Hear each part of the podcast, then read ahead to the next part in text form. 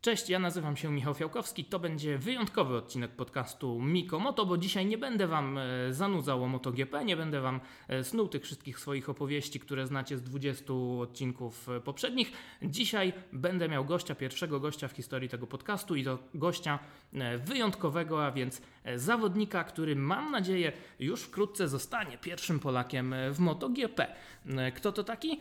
Nie muszę chyba mówić. Piotr Biesiekirski, który startuje w tym sezonie, zadebiutował w Mistrzostwach Europy Moto 2.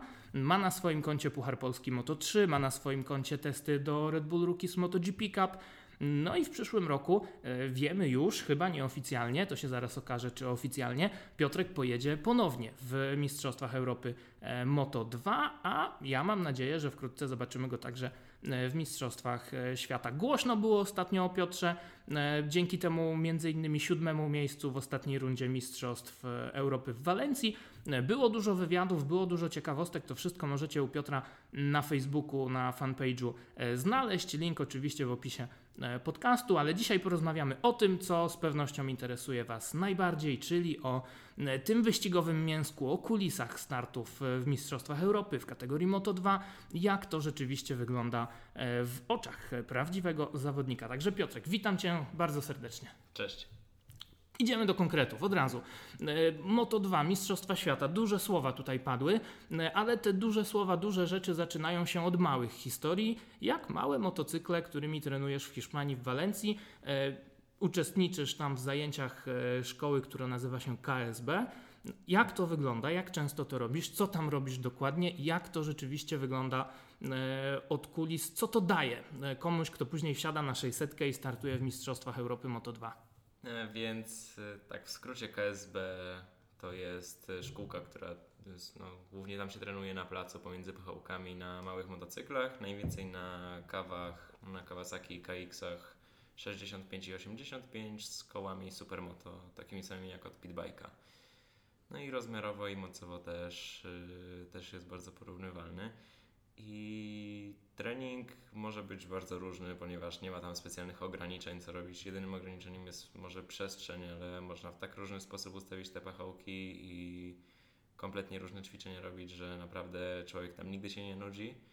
No i tych treningów na początku było więcej, kiedy musiałem po prostu wyrobić godziny na, na motocyklu. Teraz wygląda to trochę inaczej, wciąż, ich, wciąż jest ich bardzo dużo ale są bardziej nastawione na trenowanie jakichś konkretnych elementów i teraz jeszcze z wyścigami trzeba trochę, trochę bardziej metodycznie do tego podchodzić, żeby ustawić to tak, żeby kalendarz dobrze wyglądał, żebym miał i czas na trening, ale żebym był wypoczęty podczas, żebym był wypoczęty na, na rundę wyścigową. I no ale Treningi dzielą się, można powiedzieć, na takie dwie różne grupy, można powiedzieć, na poranne i popołudniowe. I o ile sama pora dnia niespecjalnie dużo zmienia, to kiedy trenuję rano od 10 do 13, to zwykle nie ma tam nikogo. Jest co najwyżej jedna, może dwie osoby, więc ten trening jest bardziej indywidualny. Wtedy trenuję technikę, robię dłuższe sesje, e, bardziej staram się pracować na, na niższych prędkościach, niż bardziej robić jakiś minitor. I to są ćwiczenia może typu zygzak, slalom czy, czy ósemki. A, a po południu, kiedy jest to jazda w grupie, wtedy przychodzi około 10-15 osób. I, no i dzielimy się mniej więcej na 3-4 grupy. Do tego, no i wtedy już nie trenujemy na jakichś małych, yy, czy na małych technicznych trasach, można powiedzieć. Na początku tak, przez pierwszą połowę, a drugą połowę robimy bardziej e, takie symulacje mini wyścigów, gdzie wszyscy startujemy z tej samej linii, więc jest ciasno, każdy chce się wcisnąć pierwszy do pierwszego zakrętu i no i ta jazda w grupie bardzo uczy. Zwłaszcza, że często nawet podświadomie można coś podpatrzeć od drugiego zawodnika, i automatycznie bez myślenia o tym się to przekłada na, na naszą jazdę i vice versa. Więc jakby jazda w grupie sprzyja wszystkim, uważam, nieważne czy się jest ostatnim czy pierwszym, wiadomo, żeby to była grupa na, na poziomie danego zawodnika. Na ile to pomaga, jak wsiadasz później na motocykl Moto2? czujesz, że rzeczywiście dało ci to coś, czego by nie było, gdybyś e, na tych małych pojemnościach nie trenował?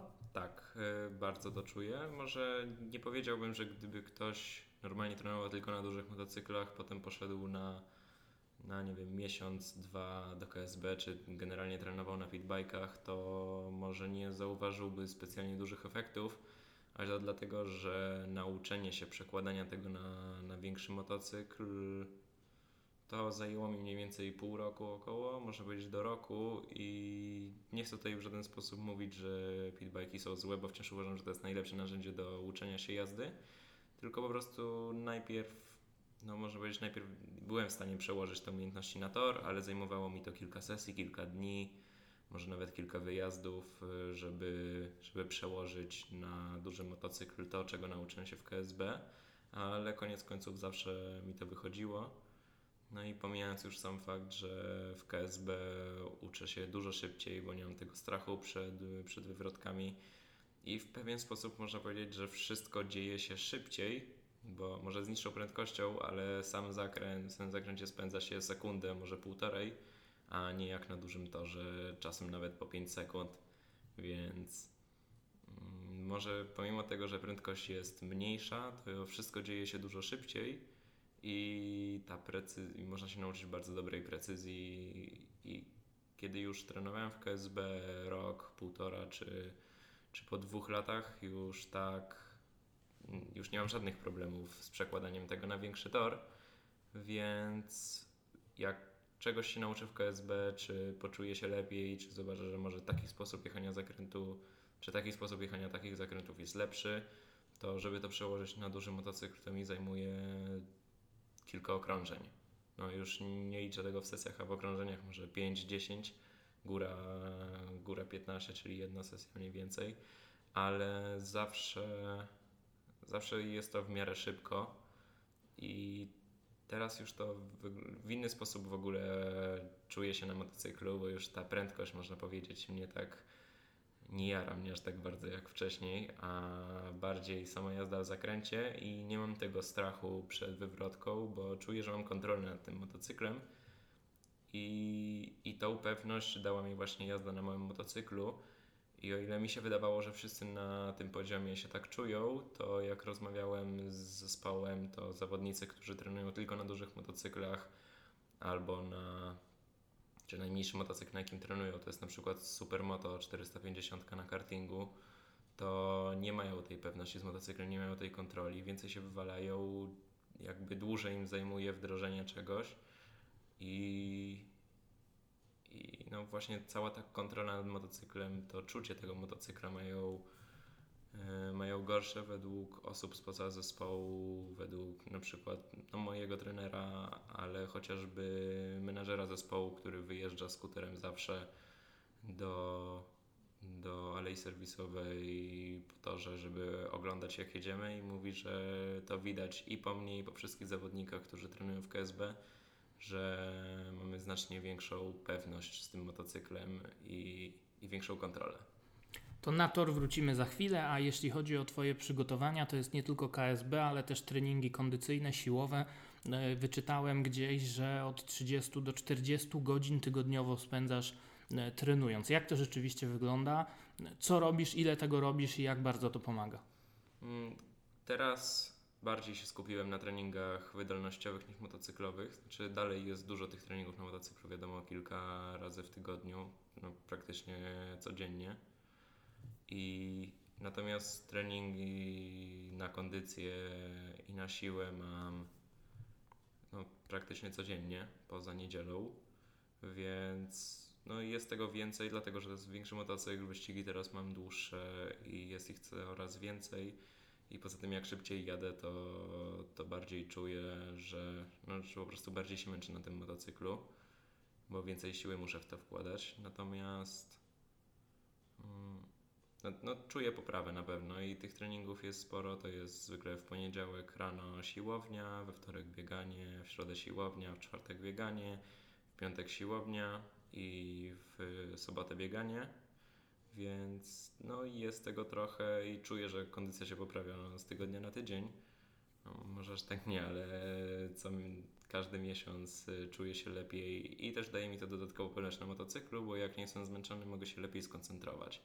Jak to chociażby mówił sam Kasparow, y, znany szachista, że on trenował na siłowni, że ponieważ kiedy się męczył od siedzenia na krześle, męczyły mu się plecy po tych 6 czy 8 godzinach, co potrafił grać, yy, potrafił grać w szachy, więc i wtedy spadała mu koncentracja, więc no, na motocyklu tym bardziej trzeba nad tym pracować, bo wiadomo, że wysiłek jest większy i czy nieporównywalnie większy.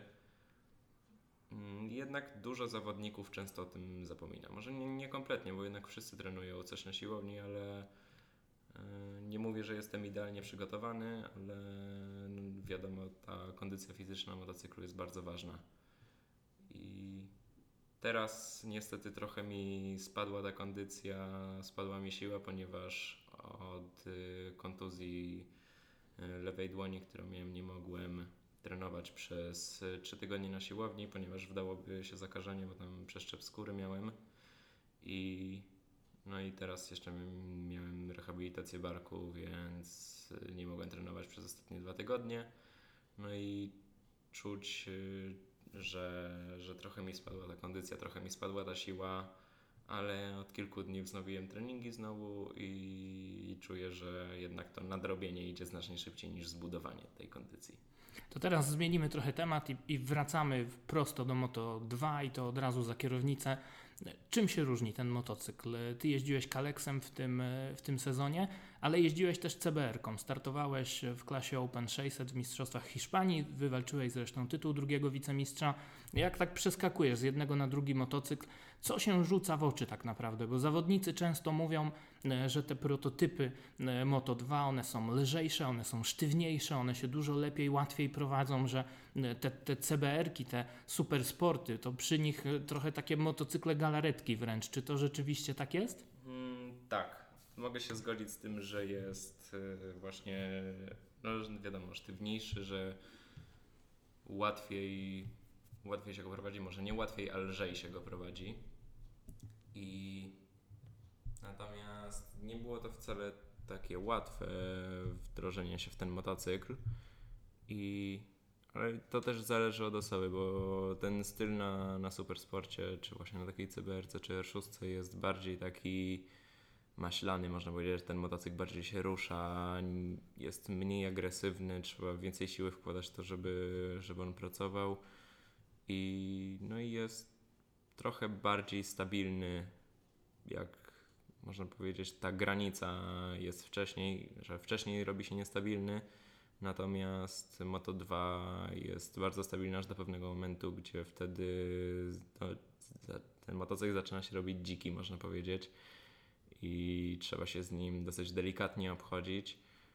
Mm, Mi na przykład dużo, dużo bardziej odpowiada styl jazdy w Moto2, ponieważ y, jest no jest taki lżejszy, w pewnym momencie w pewnym sensie bardziej delikatny, trzeba, trzeba więcej, większej precyzji, a, a do supersporta to jest bardziej ciśnięcie tego motocykla.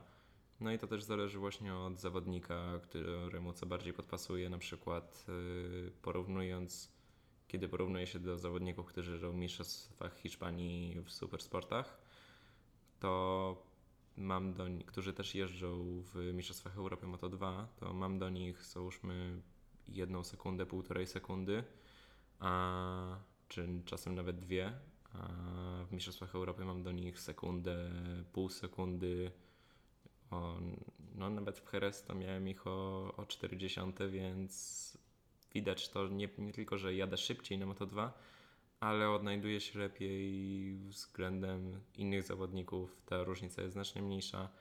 No, na przykład są jedni riderzy, którzy jadą tak samo na Moto2 jak na Supersporcie, a czasem i nawet wolniej. Jak y, no wiadomo, Kenonsofoglu też miał kilka testów na Moto2 i kompletnie mu ten motocykl nie podpasował.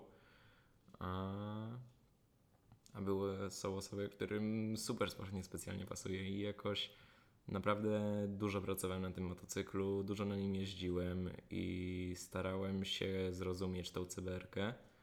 I, no i też na R6 jeździłem i generalnie pojawiał się ten sam problem, tylko był tak niejasny, że niespecjalnie było wiadomo, co trzeba poprawić, i to nie był jakiś jeden konkretny element, tylko całe, może poszczególne elementy szły mi dobrze, ale zlepienie tego w całość, żeby ten zakręt szybko, płynnie przejechać i stabilnie i dobry czas okrążenia skleić, no to naprawdę ciężko było i nie mogłem się odnaleźć aż tak dobrze na tym motocyklu, a na Moto 2 od razu kliknęło i, i po prostu czuję się tam jak ryba w wodzie.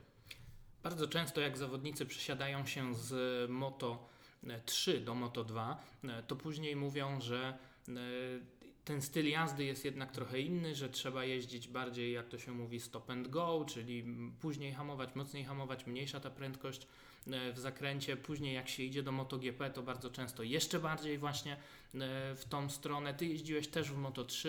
E, czy też masz takie wrażenie, że, że ten styl jazdy trzeba było w Moto2 trochę zmienić? Tak, to na pewno. Zwłaszcza, że teraz no, na początku listopada w Kartagenie jeździłem na na Hondzie 125 z 99 roku GP dwusuwowej, więc taki odpowiednik Moto 3 i no pomimo tego, że motocykl ma 20 lat, to jednak jest dosyć szybki. Tam był w standardowej specyfikacji, ale jednak. I, i o ile czułem, że, że można powiedzieć w miarę go cisnąłem, to nie byłem w stanie wykręcić dobrego czasu okrążenia i naprawdę dużo, dużo mi brakowało. Tam było strasznie dużo do urwania. Może nie, że było możliwe pojechać szybciej, tylko żebym doszedł do swojego poziomu, to mi dużo brakowało, ponieważ ten styl jazdy jechałem mocno na, na 600, bardziej jak na dużym motocyklu, czyli, no, czyli właśnie takie stop and go. Bardziej się skupiałem na tym, żeby późno hamować, głęboko hamować i, i otwierać gaz na raz i wcześniej, żeby mieć tą dobrą prędkość wyjścia, tylko no, obierałem złe linie, mnie za wolno jechałem w środku zakrętu i ten motocykl po prostu nie, nie pracował jakoś specjalnie dobrze. Ale, no ale wiadomo, do wszystkiego da się przyzwyczaić. Jednak tam jeździłem tylko 2,5 dnia, więc też nie było specjalnie dużo czasu, zwłaszcza, że yy, ostatnio jeździłem na, na małym motocyklu, takiej właśnie rangi Moto 3, to około półtora roku wcześniej, czy prawie dwa lata wcześniej, więc, więc mm, no, zapomniałem od tamtego czasu.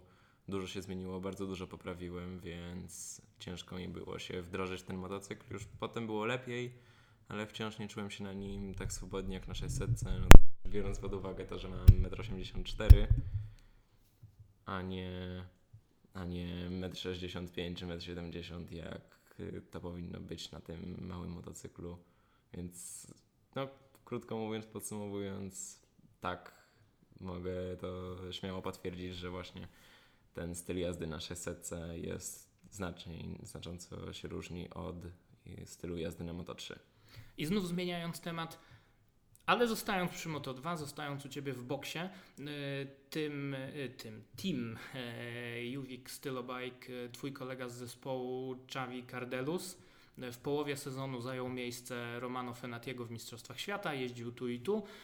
No później zniknął, bo w Walencji już nie startowało, ile dobrze pamiętam, ale jak to wygląda wewnątrz takiego zespołu, no bo to jest jednak profesjonalny team, team, który pomógł Hafiszowi Sziarinowi trafić do E, do Mistrzostw Świata, bo jeździli tam razem. Teraz Szelin jeździ w e, MotoGP, a więc zespół bardzo profesjonalny, ale ja bardzo często nawet jak rozmawiam z zawodnikami ekip e, MotoGP, no to oni często mówią i pytam o to, jak wygląda współpraca z team partnerem, to bardzo często no, oni mówią, że, że nie ma po prostu takiej współpracy. No może nie mówią tego tak bezpośrednio, ale, no, ale mówią coś w stylu tak, każdy robi swoje, każdy się skupia na sobie. Oczywiście dane są porównywane, porównywane ale nigdy bardzo często nie ma takiej bezpośredniej współpracy pomiędzy zawodnikami. Jak to jest, jak to było w tym sezonie w Twoim przypadku i jak to wygląda w ogóle w Mistrzostwach Europy? No więc przez tą no, pół sezonu, co pojechałem w tym roku, bo zacząłem właśnie od wakacji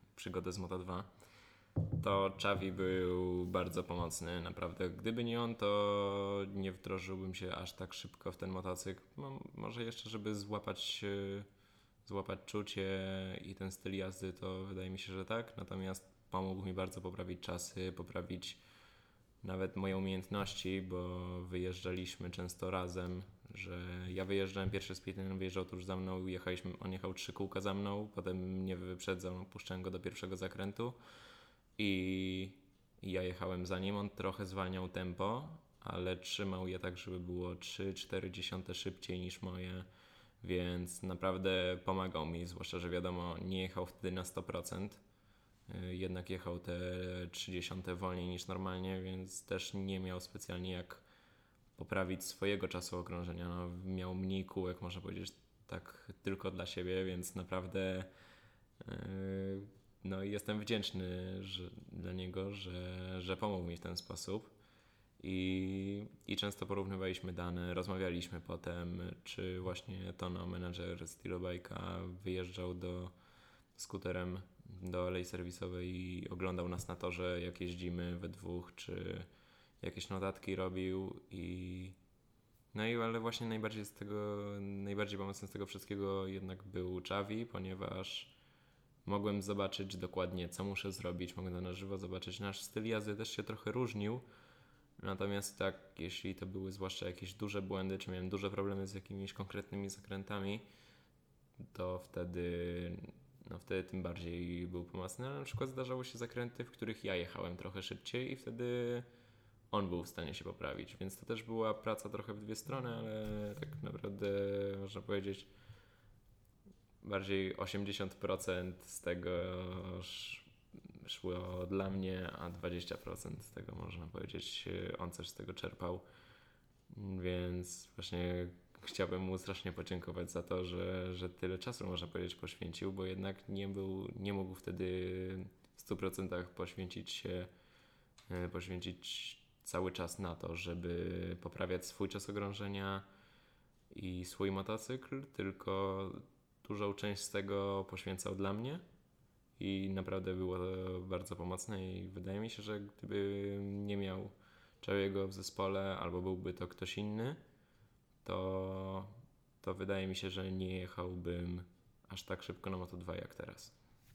A jak bardzo pomocne były dane? Wiem, że pracujesz e, z Damianem Sapińskim, który, e, no ja bym powiedział, u nas w padoku Pol, Mistrzostw Polski jest takim Valentino Rossim e, telemetrii, zbierania danych i tych wszystkich historii. Znamy się też chyba ze 20 lat. To jest coś, co nie jest stosowane powszechnie w Mistrzostwach Polski, w Alpe Adria, na, na naszym podwórku, można powiedzieć, krajowym i też międzynarodowym ale coś, co jest absolutną podstawą, jeśli chodzi o Mistrzostwa Świata, o MotoGP, o Mistrzostwa Świata, Moto2, z tych danych widać po prostu wszystko. E, jak to wygląda w Mistrzostwach Europy? Czy to była praca tylko z Damianem, czy tam w teamie też, też jest ktoś jeszcze?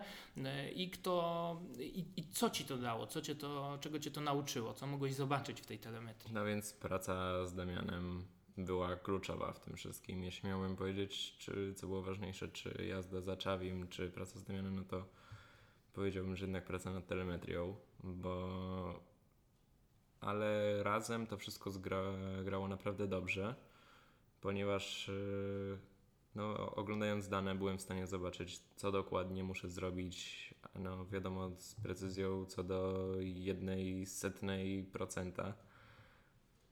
Byłem w stanie zobaczyć, załóżmy, otwarcie gazu, ile mam hamulca, jakie mam złożenie, gdzie jadę na torze, jaką prędkość mam i, i do tego i jeszcze porównując to do, do danych Czawiego, to było to naprawdę pomocne, bo widziałem co on robi i gdybym wyjechał po prostu na tor i widział, dobra, on tutaj jedzie szybciej, on tutaj jedzie wolniej czy coś, tutaj szybciej wyjeżdża, ale nie wiedziałbym dokładnie co on robi. Czy wnioski, które wyciągałem podczas jazdy, yy, załóżmy, były takie, że widziałem, o no tutaj wcześniej otwierał gaz i, i szybciej wyjechał, albo później hamował i, i po prostu szybciej wszedł zakręt, a potem na telemetrii widzieliśmy na przykład, że wcale nie hamował później, hamował wcześniej, ale delikatniej i, i przez to mógł szybciej wejść w ten zakręt, albo wcale nie otwierał gazu wcześniej, e, wcześniej, tylko w tym samym momencie a szybciej, albo nawet trochę później a szybciej,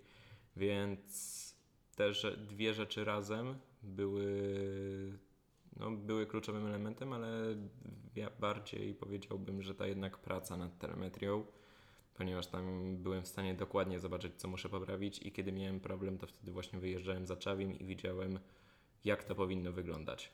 Ale gdybym tylko za nim jechał, to nie wiedziałbym, jak to zrobić. A więc to można powiedzieć taki duet idealny. I no i ta praca była, była naprawdę bardzo dobra. Jestem z niej bardzo zadowolony i, i dużo poprawiłem ja jako zawodnik. Nie tylko styl jazdy, ale też umiejętności i sam sposób patrzenia na, na ten sport. I no i też był tam jeszcze Albert, który jest jest no, analizuje dane Czawiego i on też pomagał nam załóżmy analizować dane, siadałem ja, siadał Damian, siadał Albert i Czawi. I wszyscy razem patrzyliśmy na dane, porównywaliśmy je i no, wiadomo wnioski Damiana były dla mnie najbardziej pomocne, ponieważ zna mnie i, i wie dokładnie gdzie gdzie sam zwykle poprawiam rzeczy, a gdzie mam załóżmy problem, y, a jaki mam problem, y, który rzeczy mam poprawić, załóżmy nie wiem, dany element poprawiam sam od pierwszego wyjazdu do ostatniego wyjazdu, nic, nawet nie myśląc o tym specjalnie, nie skupiając się na tym i tak go poprawiam, ale są jakieś elementy, które y, są dla mnie trudniejsze i on wie co to jest, wie na czym trzeba się skupić i w jaki sposób podejść do tego, więc też e, to, że pracuję z nim od no, może niespecjalnie długiego czasu, ale jednak e, było kilka tych wyścigów, w miarę sporo, więc zna mnie już jako zawodnika i to też na pewno było bardzo pomocne. Nie będę Cię pytał o ten sezon, który się już zakończył, bo e, mówiłem o tym w skrócie. Było siódme miejsce ostatnio w Walencji, wcześniej były dwa jedenaste miejsca w debiucie, w tym pierwszy, pierwszych dwóch wyścigach w Moto2 w Aragonii były zwycięstwa, były podia w Mistrzostwach Hiszpanii, no to nie możesz być po prostu niezadowolony z tego sezonu. Ja wiem, że była też kontuzja po drodze e, i to może to nie był ten najlepszy aspekt, ale e, zostawmy już to, co było. Pytanie, co będzie? Co Cię czeka w przyszłym roku? Czy już oficjalnie możemy powiedzieć, jaka seria, jaki team i przede wszystkim jakie cele? E, więc seria na pewno to będą też Mistrzostwa Europy Moto 2 i team wszystko wskazuje na to, że już, już będziemy podpisywać kontrakt niedługo, ale jeszcze nie chcę niczego powiedzieć, bo jednak rozmawialiśmy z paroma zespołami. I więc jak tylko pojawi się jakaś pewna informacja, jak już podpiszemy kontrakt, to na pewno wrzucimy to na, na mój fanpage na Facebooku, więc, więc zapraszam wszystkich do śledzenia, ponieważ informacja pojawi się już lada moment. I no i w przyszłym sezonie chcę się skupić tylko na Mistrzostwach Europy Moto 2. To co do teraz e, robiliśmy, że jechaliśmy parę tych, e, tych mistrzostw. Na przykład w tym roku jechaliśmy również Mistrzostwa Hiszpanii Supermoto, Mistrzostwa Hiszpanii w Supersportach. No i było dużo tych wyścigów i może by to mi pomogło, ponieważ byłem w stanie zebrać to doświadczenie wyścigowe, a w przyszłym sezonie bardziej nastawiamy się na na trening, żeby tych wyścigów było mniej, żeby to była ta najważniejsza seria, która nas faktycznie obchodzi, czyli Moto 2. I ale bardziej jednak się skupić na treningu, na przygotowaniu, żeby do tych wyścigów być na 100% w jak najlepszej formie i żeby ten postęp y, od początku tego roku, czy od grudnia 2018 do grudnia 2019 był jak największy. Widziałem, wyczytałem, zasłyszałem, już teraz nie pamiętam w jednym z, z wywiadów Twoich ostatnich, y, że pierwsza szóstka jest tym celem, e, jeśli chodzi typowo o wynik. Tak, e, na drugą, e, drugą połowę sezonu to już na pewno chcemy jechać w pierwszej szóstce. Zobaczymy, jak to się potoczy przez pierwsze 3-4 wyścigi, ale też celujemy w ten, w ten zasięg i, i wydaje się, że to naprawdę może być realne, biorąc pod uwagę to, jak jeżdżę teraz i, i jaki postęp robię to wygląda to naprawdę, naprawdę możliwe do zrobienia, ale no i też wychodzi parę zawodników, idzie do Mistrzostw Świata, ale z tych, z tych szybszych, natomiast też wchodzi parę do Mistrzostw Europy, więc właśnie z Mistrzostw Świata przechodzą, więc mniej więcej ten poziom i ilość zawodników zostanie mniej więcej ta sama, więc no i wydaje mi się, że te top 6 jest yy, fakt naprawdę realnym celem na przyszły sezon i, i liczę, że, że tak się stanie. I ja też na to liczę, trzymam kciuki. Mam nadzieję, że to będzie można gdzieś w polskiej telewizji zobaczyć, nie tylko w internecie, chociaż ten YouTube też jest e, fajny, ale nawet jeśli nie, no to właśnie mam nadzieję, że w tej, tej telewizji Cię zobaczymy. I też taki wątek e, zasłyszałem. Nie będzie dzikich kart w przyszłym roku w Mistrzostwach Świata Moto 2, zmieniają się silniki, e, ale bardzo często jest tak, że jak coś się dzieje, w Mistrzostwach Świata. Już nie mówię, że kontuzje, żeby tam się coś, coś komuś złego działo, ale e, są takie historie, jak chociażby szalony Fenati, są historie takie, że e, ktoś z kimś zrywa kontrakt e, i wtedy ściągani są właśnie zawodnicy z, z Mistrzostw Europy Moto2. Czy to jest coś takiego, o czym myślisz? Chciałbyś, żeby to się stało w tym nadchodzącym sezonie? Czujesz się na to gotowy, czy, czy na razie w ogóle o tym nie myślisz? E, akurat nie myślę o tym aż tak dużo, natomiast y, wiadomo, że biorę to pod uwagę, ponieważ to jest ten cel i no i nawet jak staram się nie myśleć o tym, to jednak przez cały czas w głowie tam mam taką małpkę, co mi tam do ucha szepcze Mistrzostwa Świata, Mistrzostwa Świata. No i, i o ile teraz, na ten moment, no, czuję się na tyle gotowy, żeby może walczyć w okolicach ostatniego miejsca, ale ani o to mi chodzi, ponieważ chciałbym wejść do Mistrzostw Świata i nie chcę na początku ledwo co klasyfikować się w pierwszej 25 czy w pierwszej 20, tylko chciałbym już zacząć e, w okolicach tych punktów, co już jest naprawdę dobrym wynikiem, ponieważ no, to jest w pierwszej w jednej sekundzie znajduje się między 18 a 22 zawodników praktycznie na każdym treningu, na każdych kwalifikacjach i na każdym wyścigu. Więc to już jest naprawdę wysoko postawiona poprzeczka i o ile w przyszłym roku będę jechał szybciej, będę się na pewno lepiej czuł na tym motocyklu, będę lepiej znał tory hiszpańskie.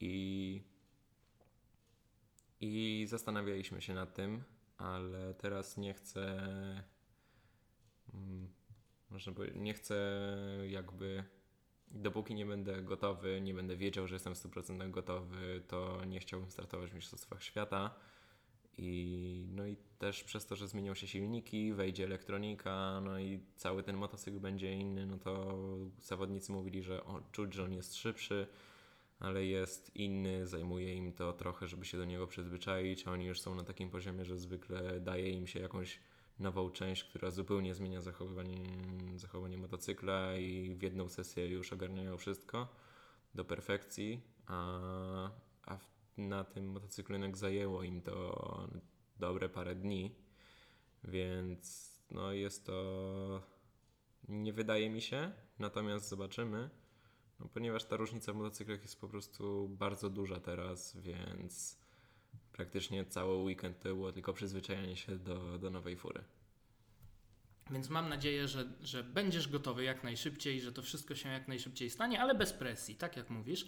E, trochę nas goni czas, ale e, w telegraficznym skrócie. Dzisiaj akurat rozmawiamy w Warszawie, ale ty bardzo dużo czasu spędzasz e, w Hiszpanii. Czy to faktycznie jest tak, jak się często mówi, że ta Hiszpania to jest ojczyzna wyścigów motocyklowych, to jest ojczyzna MotoGP. Ja tam bywam na wyścigach, no jak się jest w tej Barcelonie, czy Jerez, czy Walencji, no to rzeczywiście widać, że tam wszyscy tym żyją. Ale jak jest e, pomiędzy wyścigami? Jak jest chociażby w tym okresie, e, no w tej, dzisiaj jesteśmy w Warszawie, ale grudzień, styczeń, kiedy tego sezonu nie ma, kiedy to się faktycznie nic nie dzieje, czy ci Hiszpanie faktycznie tak tym sportem żyją?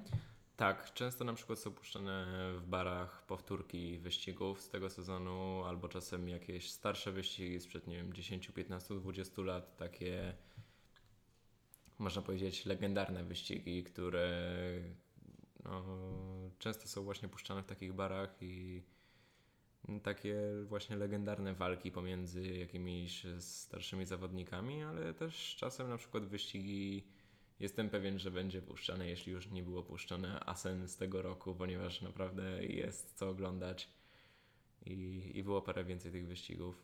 I naprawdę czuć to, że tam nawet kiedy nie ma sezonu, no wiadomo, ludzie jeżdżą po ulicy, bo jednak może nie jest jakoś super ciepło, ale jest te 10 stopni, więc warunki do jeżdżenia no, są bardziej niż wystarczające.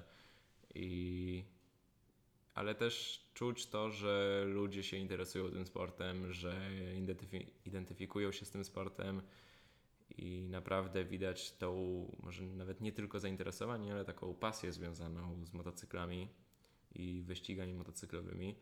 ale najbardziej bym powiedział, widać to po zawodnikach. Jest ich dużo, natomiast nie ma czegoś takiego, że wszyscy mówią oficjalnie, że tak, że to tutaj, że wszyscy jesteśmy kolegami i tak dalej, ale jednak na padoku często jest tak, że no właśnie na, na kamerze wszystko wygląda super fajnie, a jednak jak każdy siedzi w swoim boksie, to życzy jak najgorzej drugiemu zawodnikowi, a to żeby się wywalił, to nie wiem, żeby mu silnik wybuchł, a to coś, żeby mu opona pękła.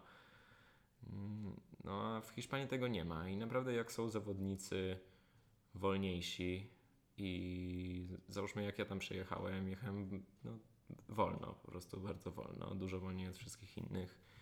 I oni mi pomagali, trenowałem z nimi, dawali mi rady, chociażby Iker Lekłona, ale jest też dużo zawodników z KSB, którzy jeżdżą w Mistrzostwach Hiszpanii w najróżniejszych kategoriach i oni też mi pomagali.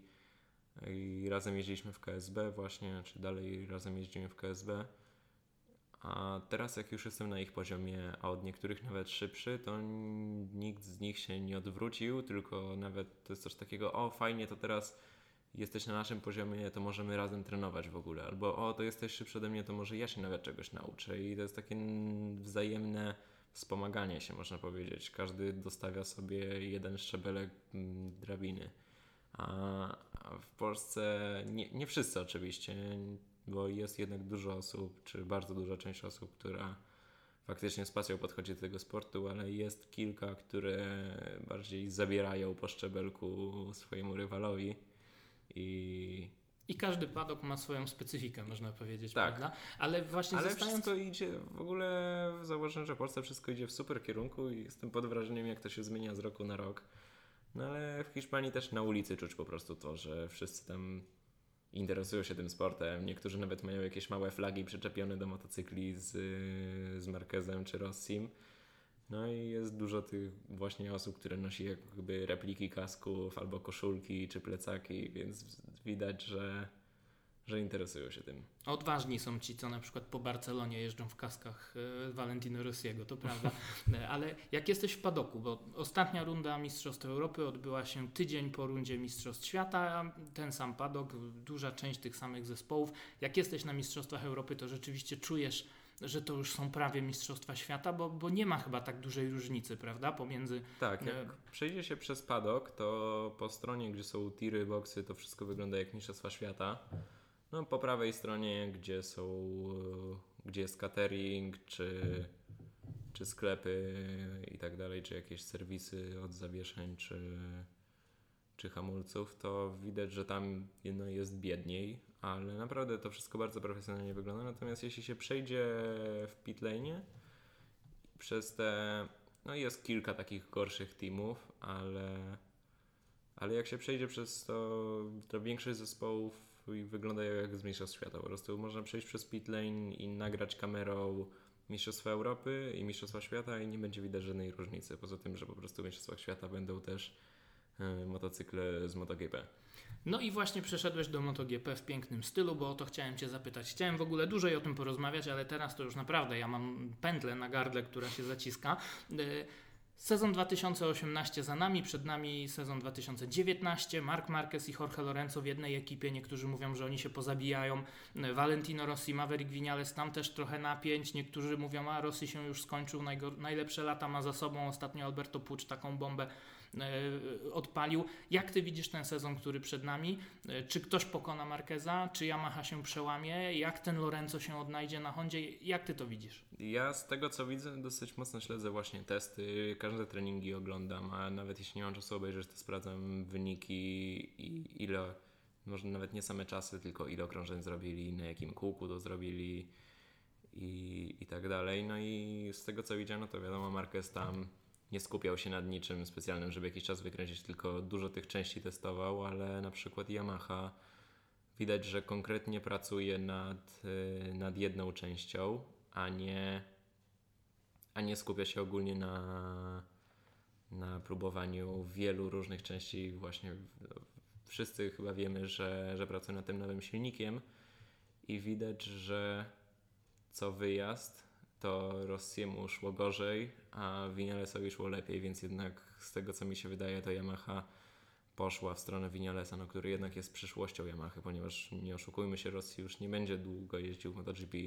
co dla mnie na ten moment jest niesamowite, że przez ostatnie dwa wyścigi walczył w ogóle o zwycięstwo e, w tym wieku i, i biorąc pod uwagę to, ile już jeździ w tym MotoGP, niestety no, w tym sezonie 2015 to pożegnał się z tytułem o tyci tyci włos i z swoim dziesiątym upragnionym tytułem ale teraz już widać, że, że ciężko jest, ale też jak patrzę na niego w boksie, nie ma tego, tego ognia w jego oczach, tego, tego głodu, żeby wyjechać na tor i że on wiedział, że będzie pierwszy. Nawet jeśli był dziesiąty czy był piętnasty, on wiedział, że ma, że ma coś w zanadrzu i było to widać, widać tę pewność jego przy każdym wyjeździe.